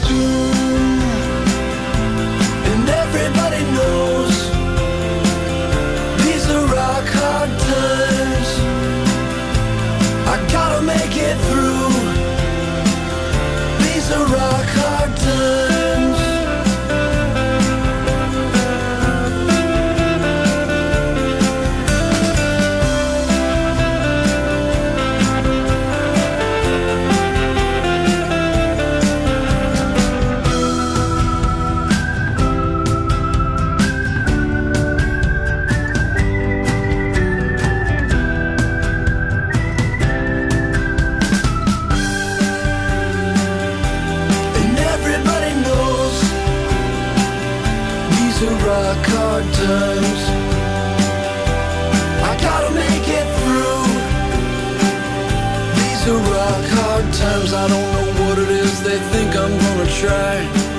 They don't know what they need to fear. The surest sign that the end is coming soon is right there in the bathroom mirror. Everybody knows these are rock hard times. I gotta make it through. These are rock hard times.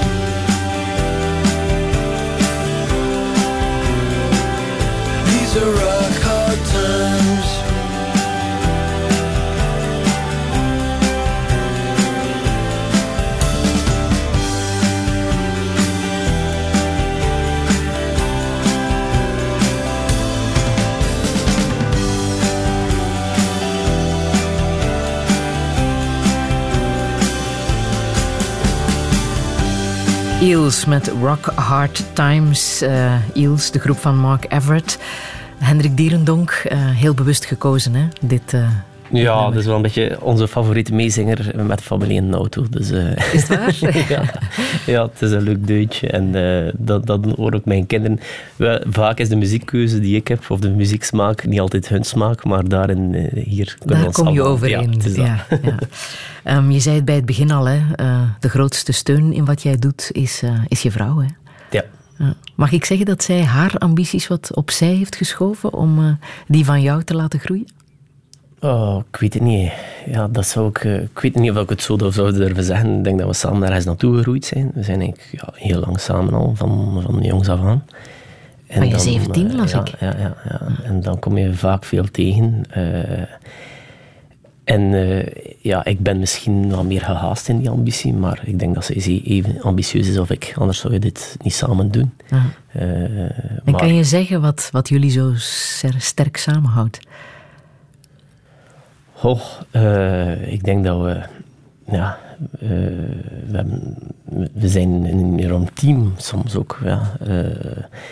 We werken iedere dag samen. Er zijn mensen die tegen ons zeggen van, eh, ja, wij zouden nooit kunnen samenwerken met mijn man of mijn vrouw. En wij hebben voor het verleden jaar eh, van een nieuwe ateliers gebouwd. Eh, en het idee was, kijk, Evelien blijft dan in de winkel misschien, en ik ga naar vuren. En we zien dat dat niet werkt.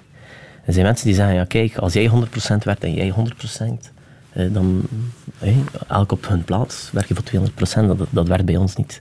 Wij moeten samen zijn, we zijn een team daarin. Zij zorgt voor structuur en rust, denk ik ook bij mij. Ik Ja. eh, ben het creatieve. eh, ik wil nieuwe dingen zien, doen. Eh, maar ik denk dat dat, ja, denk, zonder de keuzes die zij toen gemaakt heeft, gingen we nooit staan waar we nu staan. Samen afzien, is dat ook belangrijk? Samen door diepe dalen? Zeker, ja. Ik denk dat je... ehm, ik denk in iedere relatie, je moet, er, je moet, je moet vechten voor elkaar. Aha. En ik denk dat het belangrijk is. Eh, mensen kunnen daar van vandaag misschien soms niet mee vechten. Eh, eh, ik denk, ja, wij we zijn nu samen hier een maand in Brussel om de winkel op te starten. En we vinden dat zalig dat ja, die mensen opleiden en doen. Ja. Dat is, ja, daarvoor- moet je sterk aan elkaar hangen. Ja. En delen natuurlijk, hè, het genot van wat er nu aan het gebeuren is. Ja, het is dat. Dus die, allee, die ambitie, eh, die, dat succes, die- dat deel je allemaal samen. Eh, dat is eh, een, een leerproces, laat zijn. Ja, ik weet het niet. Waarin geloof jij? Waarin geloof ik?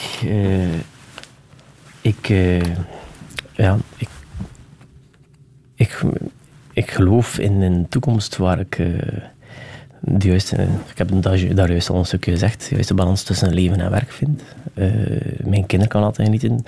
Ik heb misschien wel een beetje die opzet met eh, de dieren waar de stil nu staat. Eh, zoals je zegt, misschien ben je een soort pionier. Mhm. Eh, ik probeer daar enorm veel te investeren en ik kan daar enorm veel van genieten. Eh, ik geloof in eh ja, waardige voeding voor iedereen misschien. Dus, Mhm. eh, Je bent natuurlijk door eh, je job ook met eh, de dood bezig, hè? Dode dieren. Ja, Sta je daar vaak bij stil? Eh, ja, ik zal daar veel mee stil. Ehm, ik denk het moment dat je daar als slager of sowieso niet meer bij stilstaat, dan zijn we niet goed bezig. Mhm.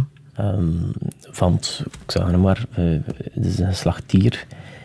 En eh, het was laatst met Wim Liebaert dat we er ook over hadden. Van, eh, kijk, we hebben die dieren gezien, hè, we hebben die dieren gekweekt.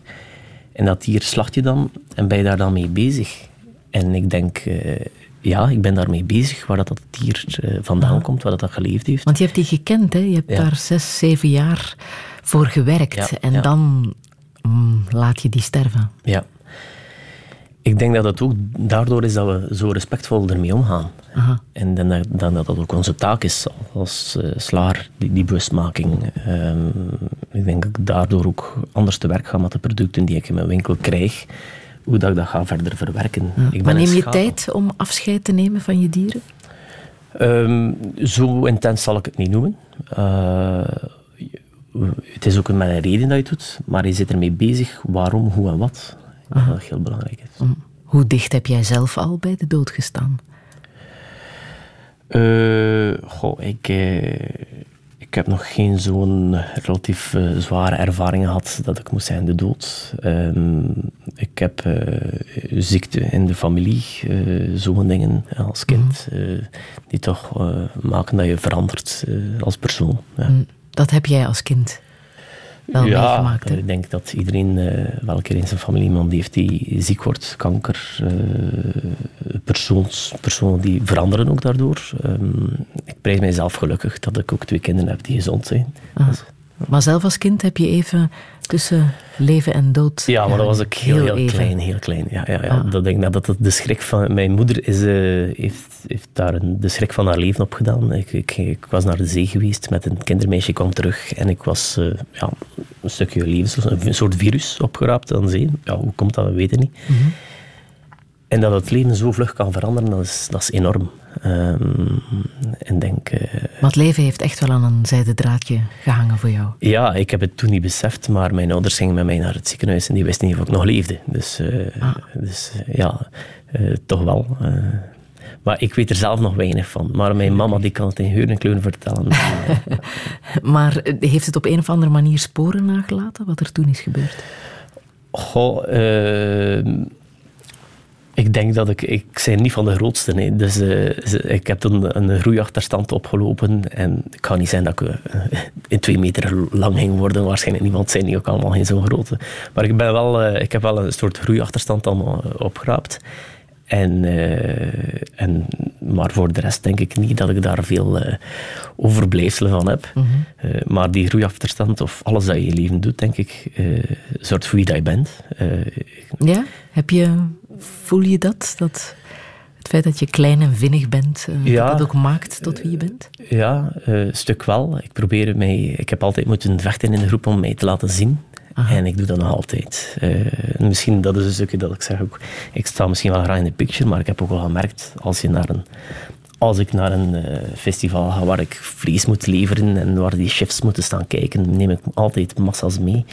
En eh, ik weet wel mijn ellebogen gebruik, te gebruiken omdat ze mij zouden zien. Eh, dat is misschien een van mijn eh, krachten gedaan dat kan doen.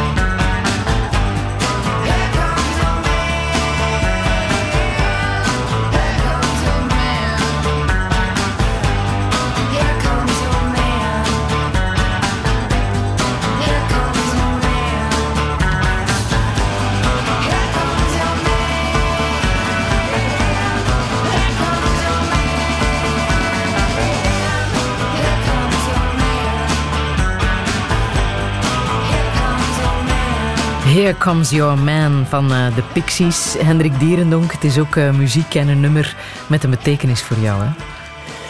Ja, het is, eh, het is een oldschool klassieker, denk ik, voor mij. Die, ja, de, Pixies ben ermee opgegroeid. En altijd, daar kan ik van, van eh, springen. Of, ik ben laatst nog naar een optreden geweest op Werther van hun. Dus eh, dat was voor mij nostalgie. Ja. En het was ook eh, toevallig het nummer waarmee de roadtrip is begonnen. Ja, Eh, die je hebt gemaakt voor een boek dat je vorig jaar hebt gemaakt, The Butcher's Book. Eh, een eh, prachtig exemplaar dat eh, uitgegeven is bij de uitgeverij van fotograaf Stefan van Vleteren. Natuurlijk een streekgenoot, hè, want die zit in eh. Veurne. Maar weinig slagers kunnen zeggen dat ze zo'n prachtig boek hebben kunnen maken. Dank u. Waarom wou je dit? Waarom wou je je verhaal in, in zo'n prachtig fotoboek? eh? Wel, eh, het was zo al een tijdje dat we ermee rondliepen om... om ja, je, krijgt opeens een bepaalde aanvragen voor een boek te maken en dan komen uitgeverijen naar u. Ja, hoe meer dat je in de picture roept, dat gebeurt. Hè. Dus eh, er was niemand die eigenlijk een klik mee vond, want voor mij is alles is belangrijk dat er een matching is. Een klik is waar ik aankoop, waar ik verkoop. Hè. Maar een boek maken, dat moet ook, de juiste tool moet er ook in zitten. En we hadden een foto gemaakt eh, samen met Stefan, van mijn vader en mijn zoon erbij. En eh, zo aan de praat geraakt. En eh, het was voor mij belangrijk om op dit moment in mijn leven te kunnen... eh, ja, ik, ik, ik heb ambitie, hè, zoals ik daarnet vertelde. Maar die ambitie heb ik, wil ik op de juiste manier doen. En ik wilde nu zeggen van, kijk, ik wilde laten tonen wie is Hendrik Dier nog eigenlijk een stuk. eh, en dat probeer ik in dat boek te laten zeggen. En wat heeft hij te vertellen? Dat staat erin. Ja, ja het is dat. Want je bent eh, 42 Ja. nu. Wat zou je nog willen in het leven? Goh, wat zou ik nog willen in het leven? Eh, ik wil verder doen zoals ik bezig ben eigenlijk. Eh, Ik geniet enorm van wat ik doe. Ik wil gerust nog enkele slagerijen open doen. Waar? Eh, goh, eh, die ambities reiken ver. Eh, ik heb iets met steden ja, waar dat de mensen vrij zijn. En, ja, een stad of Parijs of Londen, dat, zijn, dat heeft mij altijd aangesproken. Ja? En ja, ik zei vroeger, ik wil een BNR in Brussel. En iedereen zei, je zit zot, je spreekt weer groot. Maar we zien wel, ik wil eerst dit in Brussel heel goed doen. Op de juiste manier. Maar dan zo'n dierendonkje in Parijs. Ja, Niet er- al te ver van eh, de favoriete vroegmarkt. ja inderdaad. Ja, ja. Rangis, waar je zo graag naartoe gaat. Ja, Rangis is, is toch iets waar ik een, eh, eh, veel geleerd heb. leren omgaan in, in de vleesindustrie. En, en, ja, op een andere manier vlees ben gaan aankopen, veel dingen gezien heb. Waar dat ik niet denk dat de dag vandaag die kwaliteit gestegen is daar een stukje naar beneden. Omdat mensen veel meer rechtstreeks kopen. Maar voor mij is eh, toch iets, eh, ja, eh, een heel nostalgische plaats in alles wat ik doe. Ja. Kan je omschrijven waarom dat, dat zo'n bijzondere plek is? Want daar komen echt alle... Ja, de leveranciers komen Ja. daar hun eh, Wel, materiaal verkopen. Hè, en heel erg vroeg in de ochtend. Ja, Parijs is natuurlijk een, een, een, ja, een wereldstad waar er zoveel eten naartoe gaat. Want dat was de basis van Les Eaux, hè, eh, voor Parijs te bevoorraden van voeding. De dag van vandaag is natuurlijk Parijs meer een platform geworden die doorstroomt. Maar op die vroegmarkt rondlopen, eh, ik weet nog, ik ging eh, naar de vroegmarkt, mijn Evelien ging mee, mijn vrouw ging mee. Dus eh, zij bleef dan nog in de hotelkamer slapen en ik op de markt van drie uur s morgens rondlopen tot acht uur. De, de beleving van de mensen die er werkt en hoe ze te werk gaan en dat vlees selecteren en ja, heel die mengelmoes die daar die drukt over de nacht, die mensen die daar werken, vond dat enorm speciaal. En dan zie je daar zoveel producten en is er daar maar eigenlijk 5% van die misschien wel kwalitatief is die dat ik zoek. En die zoektocht die vond ik wel leuk. Eh, ik vond dat intrigerend en ik kon mij daar ja, amuseren eigenlijk alleen. Ik had niemand nodig, maar dan ga je op zoek. En eh, ja, als je zo'n dingen moet zoeken, een kwaliteit moet zoeken, of waar je vandaan komt of hoe wat, gaat dat heel langzaam. Maar ja, kijk, ondertussen ben ik al zoveel jaren verder. En ja, nu is het idee van zoveel mogelijk naar die basis terug te gaan. Nog, eh, Dat is ook een beetje jouw boodschap. Hè? Als ik die zou vragen, welke boodschap je hier wil meegeven. Terug naar de basis, terug op zoek naar de kwaliteit. Ik denk dat, dat eh, de ambitie die ik een stuk heb, eh, mij nu ertoe de, de kracht of, of mogelijk maakt om terug nog veel meer naar de basis te gaan. Ja. Ja. Minder is meer. Minder is meer, zeker weten. Ja. Ik heb nog muziek van eh, Tom Waits Sins of My Father. Ja. Waarom precies? Goh, ik, ik, ik vind eh, eh, ja, Tom Waits een ongelooflijke muzikant. En ik ben ooit een keer naar Parijs, naar de Rex geweest, naar een optreden. Ik heb hem al twee keer live gezien, machtige optredens. Maar dat was de eerste keer en ik moest net voor het optreden nog vlug naar het toilet. En eh, wie stond er opeens naast mij? Tom Waits. Dus eh, het is een beetje grappig natuurlijk, maar kijk, eh, Sins of My Father heeft wel... ja, een enorm, eh, ja, vind ik een enorme song van hem. Heb je iets gezegd tegen Tom? nee, nee, ik, ik was te nerveus.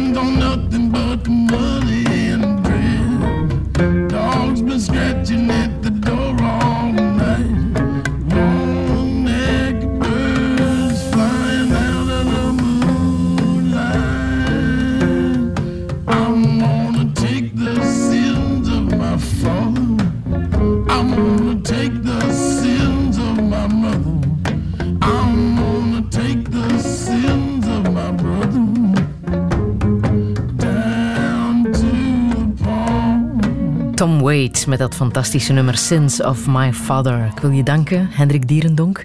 Heel veel succes nog met eh, alles wat je aan het doen bent. Alle info staat zo meteen op onze website radio1.be. En volgende zondag verwacht ik hier Jan Tooije, eigenaar van eh, Brouwerij Palm.